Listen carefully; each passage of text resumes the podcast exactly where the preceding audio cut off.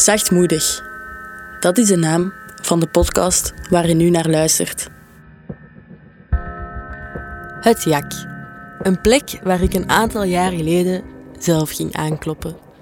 Ook een plek dat me enorm heeft geholpen. Vandaag ging ik in gesprek met Shani. Shani was ook mijn begeleider. En de begeleider die het langste volhield met mij. Dat wil al veel zeggen. Ik raad jullie aan om gewoon verder te luisteren. Hier is de laatste aflevering. Ik ben Shani ehm, en ik werk hier op het JAK al vijf jaar ondertussen. Wat is het JAK eigenlijk? Want ik denk niet dat iedereen het JAK kent. Maar veel mensen waarschijnlijk wel. Ja, ik denk dat veel mensen dat wel van naam kennen eigenlijk. Ja. Maar dan zo, wat doen we? Ik vind dat zelf een heel moeilijke vraag om op te antwoorden. Ehm, omdat wij zoveel doen eigenlijk. Ja, Ik denk dat mensen wel weten dat het JAK het jongerenadviescentrum is. Zo is het het meest bekende. Eh, we zijn er een tijdje van afgestapt omdat wij veel meer geven dan advies. Dus dan hebben we onszelf een tijdje het jongerenaanbod van het CAW genoemd, omdat het CAW onze koepel is Ja. eigenlijk. Ehm, maar dat kennen mensen dan niet, of jongeren dan niet. Dus nu gebruiken Ja, wel. Ja, nu gebruiken we beide. eh, maar bij mij ligt het zo wat meer gebekt in mijn mond, zo jongerenadviescentrum. Ja. Wat doen wij heel veel? Ehm, wij begeleiden jongeren tussen de 12 en de 25. Ehm, meestal stappen we daar niet vanaf van die leeftijdsgrenzen, maar wij passen ons wel flexibel aan omdat wij vinden dat de jongeren wel altijd centraal moet staan en dat het ook vanuit de jongeren moet komen. Ehm, we vinden dat wel heel belangrijk dat wij effectief met de vraag van de jongeren aan de slag gaan. Dus zo, soms heb je dan zo ouders of een jeugdrechter of leerkrachten dat zeggen je moet naar het JAK gaan. En als je dat doet, dan niet zo een voorwaarde stellen of zo. Als je naar het JAK gaat... helemaal anders, denk ik. Ja, klopt. Ja, klopt. Dan kunnen daar ook veel minder mee. Ehm, dus wij gaan wel een beetje uit van de vrijwilligheid ehm, van jongeren. Ehm, maar een minimale motivatie is wel oké. Eh, het is niet dat jongeren, denk ik, hier altijd staan te springen voordat ze binnenkomen. Dat is ook gewoon niet altijd leuk eh, om hulpverlening te vragen. En we zijn daar wel heel hard eh, ons bewust van. Maar minimale motivatie of soms kunnen dat ook zorgen zijn van anderen, is wel voldoende. En wij gaan met alle vragen aan de slag. En dan gaan we eigenlijk wat zien, zijn wij de juiste persoon of is het toch iemand anders dat nodig is voor eh, ja, die hulpvraag. Of samen met anderen. Dus wij gaan echt naast jongeren staan en zien wat kunnen wij betekenen. Zijn wij voldoende hulp? Zijn wij de juiste hulp? En dat gaan we eigenlijk eh, constant afstemmen.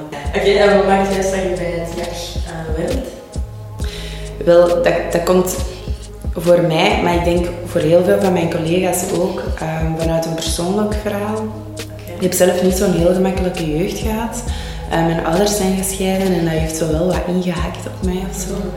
Ehm, maar dan ben ik zelf wel wat in eh, hulp, jeugdhulp wat terechtgekomen.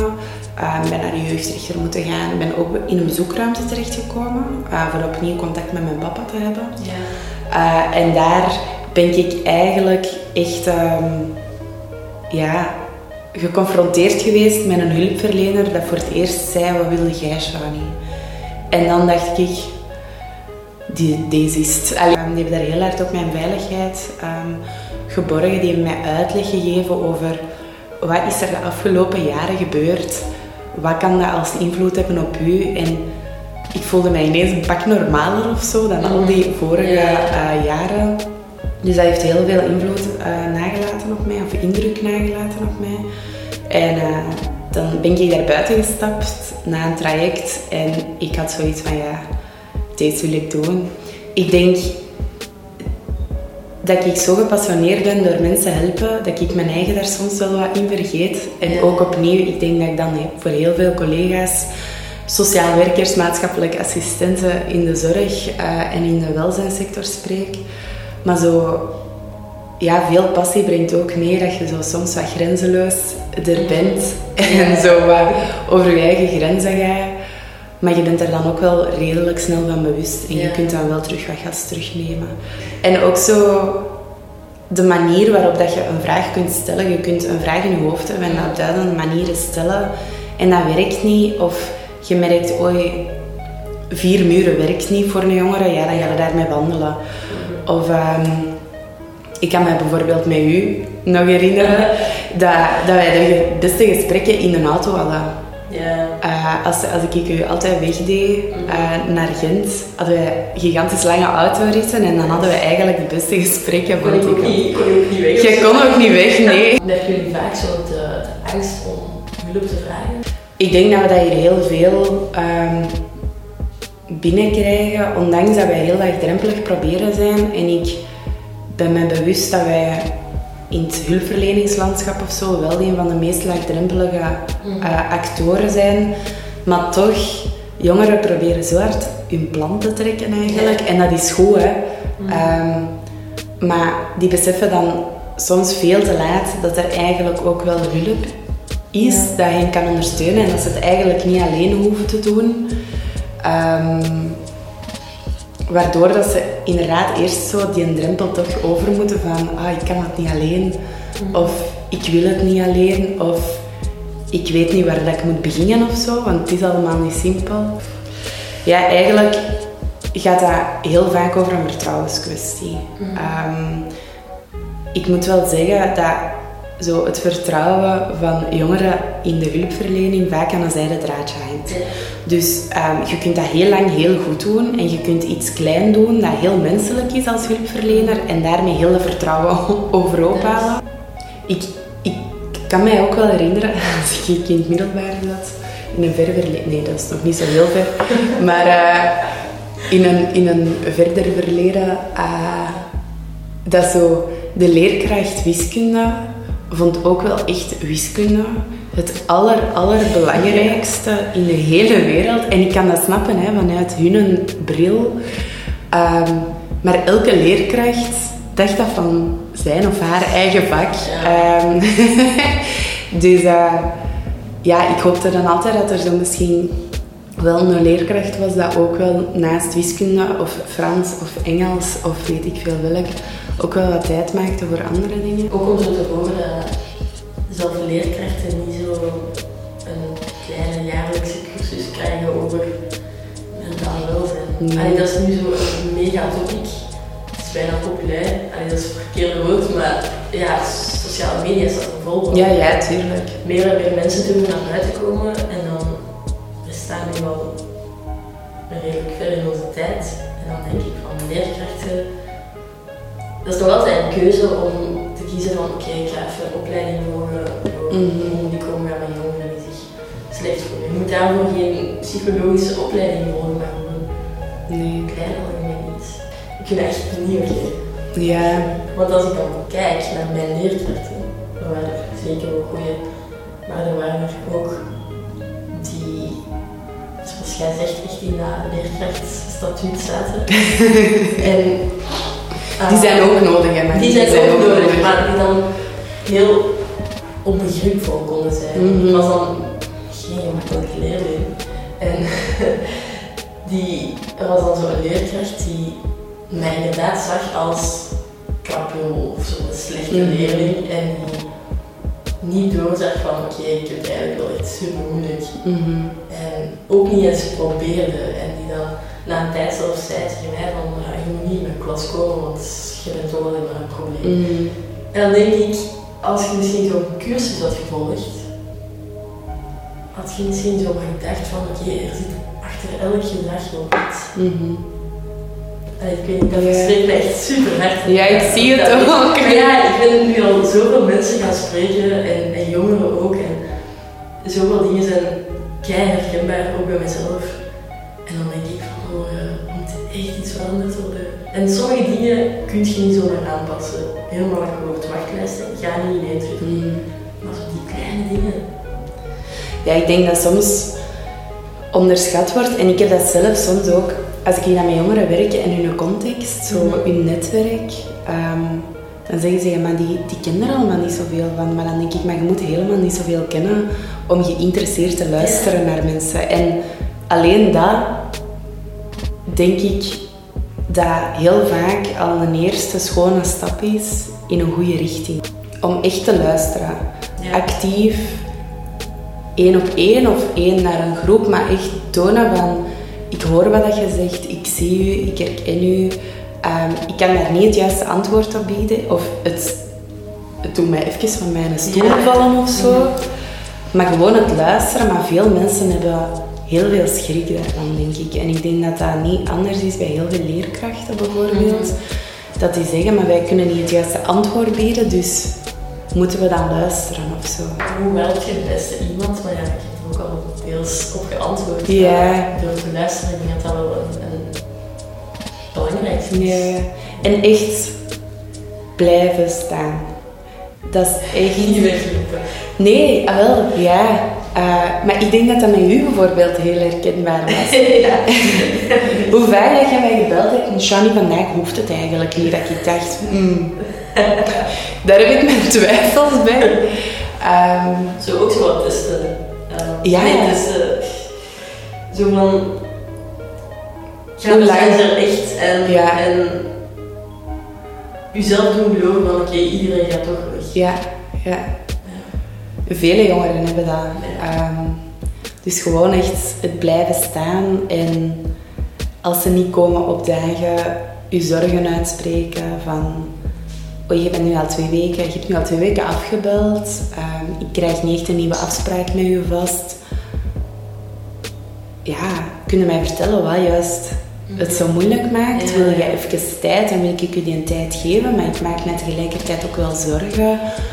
Uh, kan ik gewoon iets anders doen? Kunnen we samen eens naar de winkel gaan of zo? Uh, dat is dan zo iets praktisch, maar dat is misschien wel terug een ingang. Heb je zelf een tip voor jongeren die het op dit moment moeilijk hebben?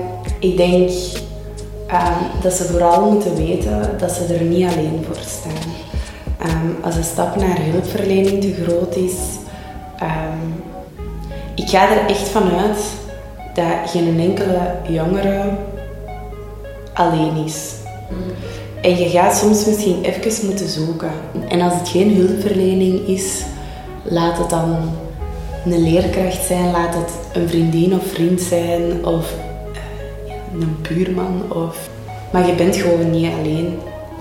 Um, en geef jezelf ook de tijd. En vind het ook oké, denk ik, dat je aan het zoeken bent en aan het struggelen bent. Um, geen enkel pad is vlak. Want ik denk dat echt elk pad wel ergens een hobbelke of een steentje heeft liggen, denk ik. Ieder kind draagt wel een rugzak. Ik denk dat gewoon inderdaad heel veel jongeren die een rugzak meedragen en dat daar stenen in zitten dat het zwaar maken om te dragen. Uh, maar dat er ook heel schone stenen in zitten. Um, dat erin zitten, maar dat ook heel schoon kunnen worden. Um, en dat daar bijvoorbeeld, als daar stenen in zitten, dan is er zo nog ruimte tussen die stenen. En met sommige kappen ze daar dan zo nog een kruiwagen zand in zo, of zo. Dat daar nog tussen kan vallen, waardoor die nog zwaarder wordt. Maar ik, ik geloof er wel in dat uh, het rugzakje van elke jongere zo moet gezien worden of zo. Moet gevonden worden. Welke steentjes zitten daar nu allemaal in? Hoe groot of hoe klein of hoe, hoe tof of hoe labelachtig het ook is, maar het zijn wel steentjes dat maken. Je draagt dat mee in je toekomst. Dus dat maakt ook wel in identiteitsvorming van jongeren bepalen die stenen en de zwaarte van die rugzak heel veel. Hoe was het dan om mijn, Ik moet daar wel lachen. Uh, dus ik, ik denk dat dat een goed teken is. Um, ik noem je ook echt, uh, en je weet dat ook wel, mijn poulain van het jak zo.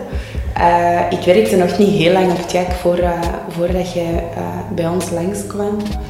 Um, jij waart zowel een van mijn polijs waar ik serieus hard mijn kracht moest gebruiken om te blijven staan. Ja, hè? klopt. Al zien dat jij heel hard um, aantrekken en afstoten toepaste, denk ja. ik. Hè? Um, vanuit de goede reden, hè. Marie, nogmaals, dat weet ik ook. Um, maar dat ik wel echt ben proberen blijven staan en ik zeg, ik ben met u naar de paas in Assen gereden, maar ik ben met u ook naar Gent gereden. Um, naar Karuston, denk ik. Uh, en dan twee weken later belde hij mij van, ik ben daar vertrokken. Dat was allemaal... ik zag het daar toch niet zo zitten. En dan dacht ik, maar Marie, je weet niet hoeveel moeite ik heb gedaan om je daar binnen te krijgen en welke wachtlijst. En maar, allee, bon, maar dan gaan we gewoon kijken van, oké, okay, bon, wat maakt dat je naar weg bent gegaan? En, maar ik denk, uh, ik denk heel hard dat ik uh, met u een band heb opgebouwd. Uh, ik denk dat dat nu tijdens deze gesprek ook zo wel wat duidelijk was. Ik heb met u een hele, of een hele goede band denk ik, opgebouwd.